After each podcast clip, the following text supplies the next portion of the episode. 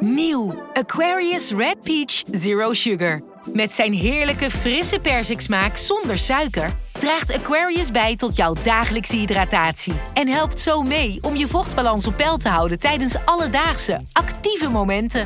Thuis, op het werk of onderweg. Ook verkrijgbaar in smaken lemon en orange. Probeer hem nu.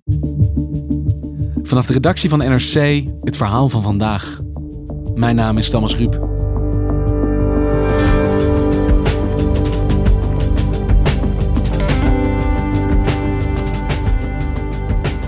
Afgelopen juni ontdekte de politie in Brabant een zeecontainer ingericht als martelkamer. Een nieuwe fase voor het steeds verder escalerende geweld in de onderwereld. Het spoor leidt naar sportschoolhouder Robin van O, die gisteren voor de rechter verscheen. Misdaadverslaggever Jan Meijers was erbij. Voor wie was deze martelkamer bedoeld?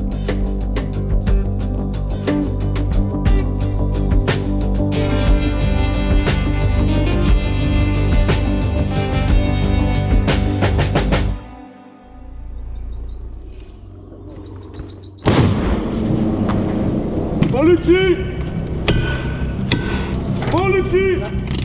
Het is begin juli als Nederland een echt onvoorstelbaar bericht uit de onderwereld te horen krijgt. Wat blijkt? Een paar weken daarvoor heeft de politie ergens in West-Brabant hebben ze een loods gevonden met daarin zeven containers. Politie! Kijk eens. Fucking hell. In een van die containers staat een tandartsstoel. Er liggen een paar setjes scalpels, Een takken zaag, een snoeischaar, een gasbrander, tie wraps, handboeien, duct tape, zakken. een zaag, wapens. In dem Container waren ein Zahnarztstuhl und zahlreiche Folterinstrumente gefunden worden, wie Heckenscheren. politieuniformen en nog wat van die spullen. Vorige week maakte de politie al bekend dat ze miljoenen berichten van criminelen had kunnen onderscheppen. En uit de conversaties bleek dat er onderwereldgevangenis gebouwd was. Compleet met cellen en een martelkamer. En uit berichten die de politie onderschept heeft, kan maar één conclusie worden getrokken. Deze containers waren gebouwd om iemand in te martelen. Die containers, die, eh, die zijn ze op het spoor gekomen. En op een gegeven moment gebeurt er dan in de wereld van politie, justitie en de onderwereld iets heel bijzonders. Ze hacken namelijk een, eh, een aanbieder van cryptotelefoons. Dat zijn telefoons waarmee je versleutelde berichten kunt versturen. We hebben hier wel eens een keer eerder over gesproken. Zeker. En die dienst die heet EncroChat. Het was groot in het nieuws. hè. De politie heeft die, eh, die chatdienst gekraakt. EncroChat was een droom voor criminelen. Nou, via die dienst zien ze op een gegeven moment allemaal foto's voorbij komen tussen twee mannen die zich bedienen van bijnamen. En de ene is Slempo en de andere heet Luxury Balloon. Dit zijn bijnamen. Dat zijn bijnamen. En de vraag is natuurlijk wie gaan er achter die bijnamen schuil. En daar zien ze dan ook een foto van die container voorbij komen. En later een dialoog. Luxury Balloon zegt: Ik ben normaal niet van deze afdeling, maar er zijn er nu een paar. Ik hoop dat ik de kans krijg om ze te martelen. Slempo zegt dan: Maat, ze dwingen je. Het is neuken of geneukt worden. Wie wil je zijn? Luxury Balloon weer. Juist, zo is het. Dus die container is een martelkamer. Ja, dat, dat, ja eh, als, als, als deze man dat zegt, wie zijn wij dan om het, te, om het te betwisten? En alle spullen die daar worden gevonden, die duiden daar ook op. En wat gebeurt er na die ontdekking? Eind juni komt dit allemaal tot, eh, zeg maar, tot openbaring bij die doorzoeking, bij die invallen. En uiteindelijk is dan de vraag, wie zijn die twee mannen? Van wie is die martelkamer? Wie bouwt zoiets? Ja, wie bouwt zoiets? Het spoor leidt uiteindelijk naar Robin van O, de hoofdverdachte in deze zaak. En eh, die gisteren voor het eerst door de rechtbank werd besproken. En Jan, wie is deze Robin van O, die er dus van wordt verdacht een martelkamer gebouwd te hebben? Robin van O is van alles. Hij is, het is een 40-jarige Utrechter, eh, geboren en getogen. Hij heeft HAO eh, grafische vormgeving gedaan. Oké. Houdt van vechtsporten. En uh, kwam in zijn studententijd vanwege zijn nogal imposante postuur uh, terecht in de beveiliging in het nachtleven. Dus als portier van, uh, van clubs, disco's, cafés. Want het is een bonkige kerel. Het is een man met armen als bovenbenen. het is één bonk gaat niet van 1,90. En via die beveiliging komt hij in aanraking met mensen in het criminele milieu. Dat, dat zie je eigenlijk best wel vaak. Het is in die zin een, een klassieke route. En dan ergens uh, aan het begin van het vorige decennium duikt hij op in uh, de omgeving van een vrij, uh, in het wereldje vrij bekende crimineel uit het cocaïnemilieu.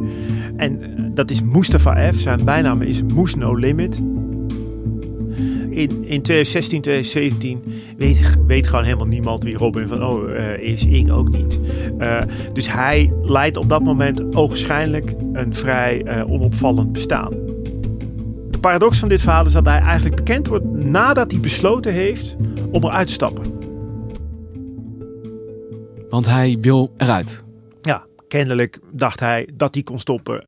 En dan begint hij een sportschool die vrij succesvol is, waar na een half jaar zeg maar zo'n 2000 mensen lid van zijn. En die laven zich dan bij het hangen in de apparaten en uh, goed bedoelde pogingen om een eenarmige push-up te doen, laven zij zich aan het granieten lijf van Robin van O. En Robin van O denkt dat hij met succes het criminele milieu achter zich heeft gelaten. Hij heeft die sportschool, levert goed geld op en heeft de stap gemaakt van de onderwereld naar de bovenwereld, om het maar zo te zeggen. Maar dat is een wereld die je niet loslaat. In november 2017 wordt zijn sportschool beschoten.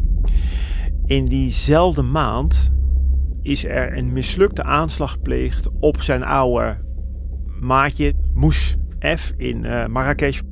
En wat blijkt dan? Moes en zijn mannen, waaronder dus Robin, zijn in het boze oog beland van Ridwan Taghi.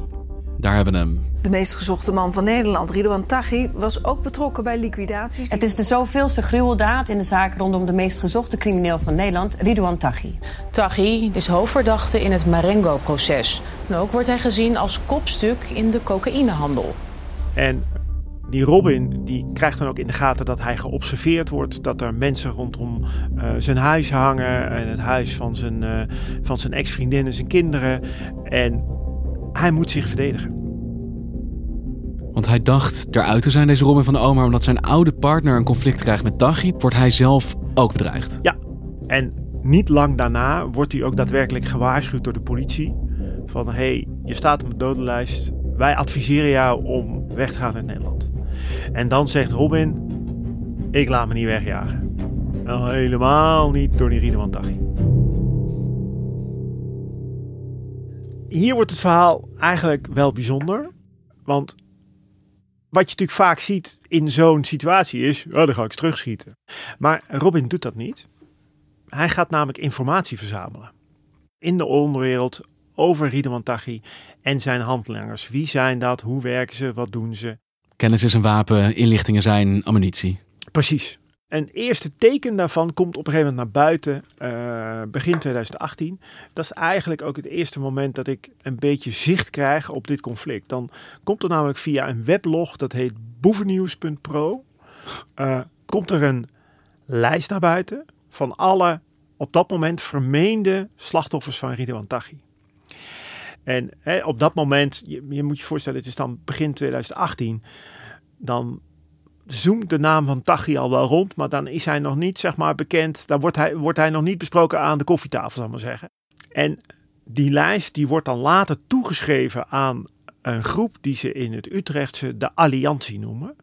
En Robin van O is een van die leden van die groep. En dat zijn zeg maar, uh, die presenteren zich als een groep mensen waar criminelen, maar ook niet-criminelen toe zouden behoren, uh, die het geweld beu zijn. Het geweld wat zij toeschrijven aan Taghi. En dat is dan zeg maar zo'n zo'n moment waarop dus informatie naar buiten wordt gebracht uh, als een alternatieve vorm van uh, strijd in het criminele milieu. En dan eigenlijk ontstaat er dan een soort van openbare jacht op Ridwan Taghi, die dan wordt verklaard tot de meest gezochte uh, man van Nederland. Uh, maar dat betekent niet dat, dat daarmee die Robin zijn problemen zijn opgelost. Integendeel, in het najaar van 2018 krijgt hij gewoon weer een waarschuwing van de politie. Hey, luister, je loopt gevaar. Je staat nog steeds op die lijst en er wordt ook op jou nog steeds gejaagd. Wat doet hij dan? Dan, ja, hij, hij leidt dan een, ja, het is, het, is een bizar leven. Als je, daar, als, als je daar mensen over hoort praten. Want dat betekent dus gewoon dat je op zo'n moment, als je afspreekt, dan heb je altijd drie, vier bodyguards om je heen. Uh, je slaapt nooit twee nachten elkaar op dezelfde plek. En dat kost bakken met geld. Tonnen per maand. Uh, want je, je, je, hebt, je hebt gewoon een hele entourage om te onderhouden. Auto's, nou, huizen. Dus wat doet hij dan? Althans, dat denkt de politie. Hij gaat weer terug naar zijn oude stiel. Cocaïnehandel. Je, je snapt wel, zeg maar, wat die Robin van ook kan kunnen zijn rivalen natuurlijk ook informatie verspreiden. Dus begin 2019 komen er allemaal verhalen op dat Robin betrokken is bij cocaïnehandel. En uh, ja, die verhalen doet de, uh, het Openbaar Ministerie en de politie besluiten om in de zomer van 2019 officieel een onderzoek naar hem te starten. Nou, het is dat onderzoek dat uiteindelijk leidt naar die containers in West-Brabant, waar uiteindelijk die tandartsstoel met attributen is gevonden. Er zijn zes mensen gearresteerd en die zitten voorlopig nog vast.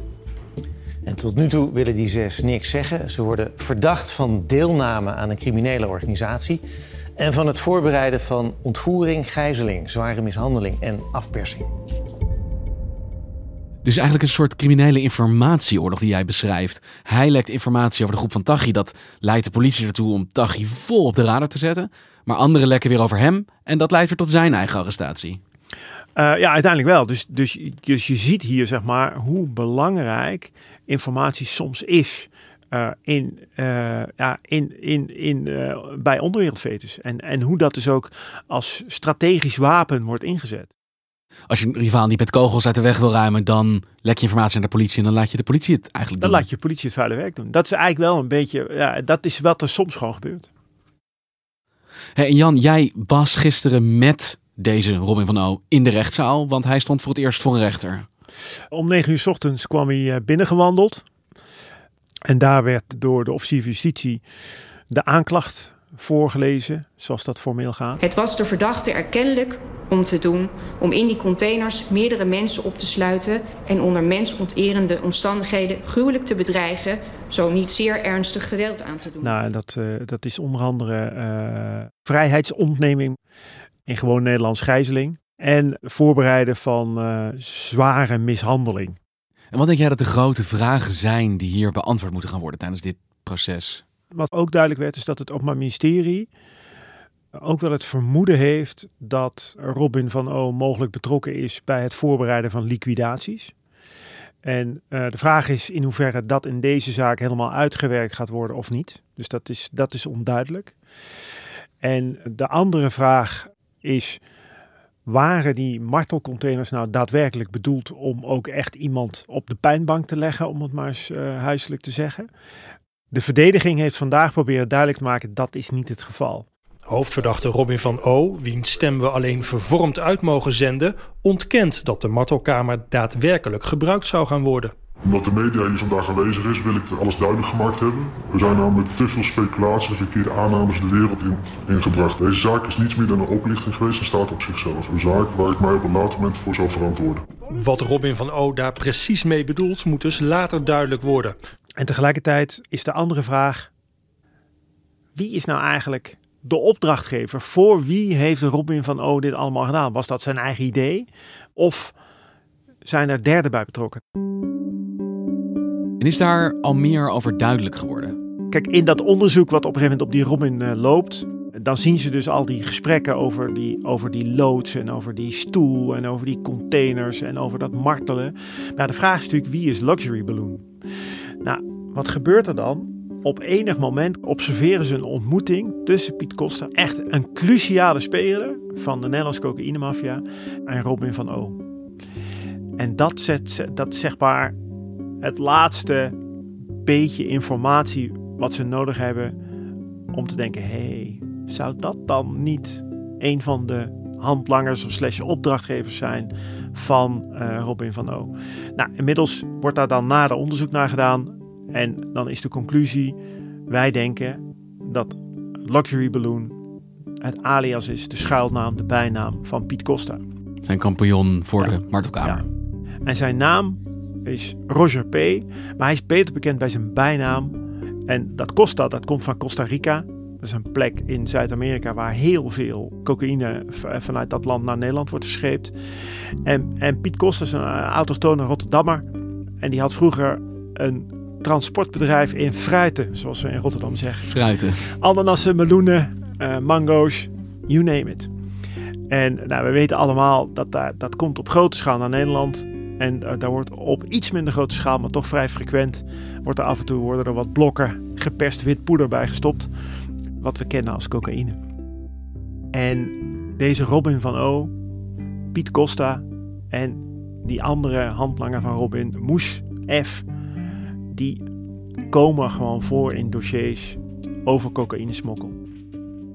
En wat je dus nu ziet, en daar is dus die, die hack bij dat EncroChat, is gewoon weer een nieuwe uh, belangrijke stap bij het vergaren van die bewijzen. Door die berichten kunnen ze uiteindelijk gewoon mensen aan elkaar koppelen.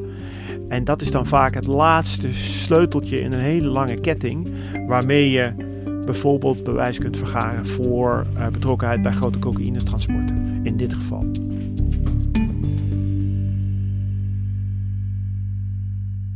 En door deze informatieoorlog heeft de politie dus een groot aantal criminele kopstukken kunnen binnenhalen. En aan de ene kant kan je zeggen, liever dat ze zo oorlog voeren met elkaar, die criminelen, informatie lekken zodat hun tegenstanders worden opgepakt, dan dat ze elkaar overhoop schieten.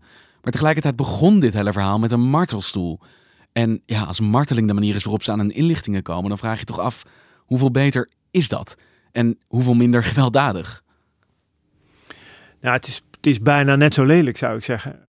En het, ja, kijk, het, het zegt ook iets over de toestand van het criminele milieu in Nederland. Kijk, verhalen over mishandeling, uh, mensen die finaal aan elkaar uh, worden geslagen, afgeknipte tenen, uh, afgehakte handen, die gaan wel vaker. Maar dat zijn vaak dingen die gebeuren in, in, in de hitte van de strijd, in het hitte van het moment als je zeg maar zo'n loods gaat inrichten op de manier zoals die uiteindelijk is gevonden door de politie, dan kun je natuurlijk moeilijk spreken van een, een impulsieve actie. Dit is gepland. Hier is over nagedacht. Dit is voorbereid.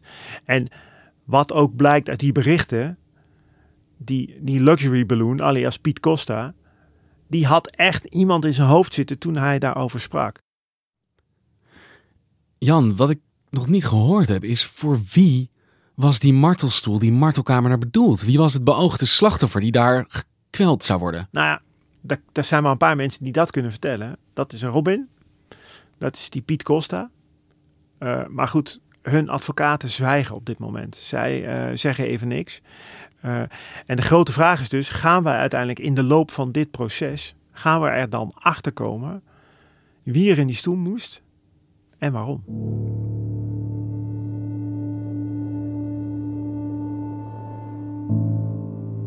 Ze pakken nu echt een aantal grote spelers in dat milieu op. En tegelijkertijd, op het moment dat dan, dat dan gebeurt, dan wordt dus zeg maar als het ware een nieuw gordijn van het theater opengetrokken. En dan zien we dus allemaal mannen op het podium staan die we vijf jaar geleden gewoon niemand wist wie, dat, wie, wie die mensen allemaal waren. En tegelijkertijd zien we, op het moment dat zij worden opgepakt, zien we dus ook weer een conflict. Met, met weer een hele andere groep mensen die we ook helemaal niet kennen. En op het moment dat dat wordt opgelost, dan weet je één ding zeker. Dan staat zeg maar 100 meter verderop een ander theater. En daar zullen weer gordijnen worden opengetrokken. Dus de strijd tegen de drugsmafia is in die zin een soort van perpetuum mobile wat nooit ophoudt. Dankjewel Jan. Je luisterde naar vandaag, een podcast van NRC. Eén verhaal, elke dag. Vandaag wordt gemaakt door Mirjam van Zuidam, Henk Ruigrok van der Werven, Tessa Kolen, Ido Havinga, Felicia Alberding, Nina van Hattem, Anna Kortering, Jan-Paul de Bond, Ruben Pest, Jeppe van Kesteren, Julie Blusset, Misha van Waterschoot en Astrid Cornelissen. Chef van de audioredactie is Anne Moraal. De muziek die je hoort is van Rufus van Baardwijk. Dit was vandaag, maandag weer.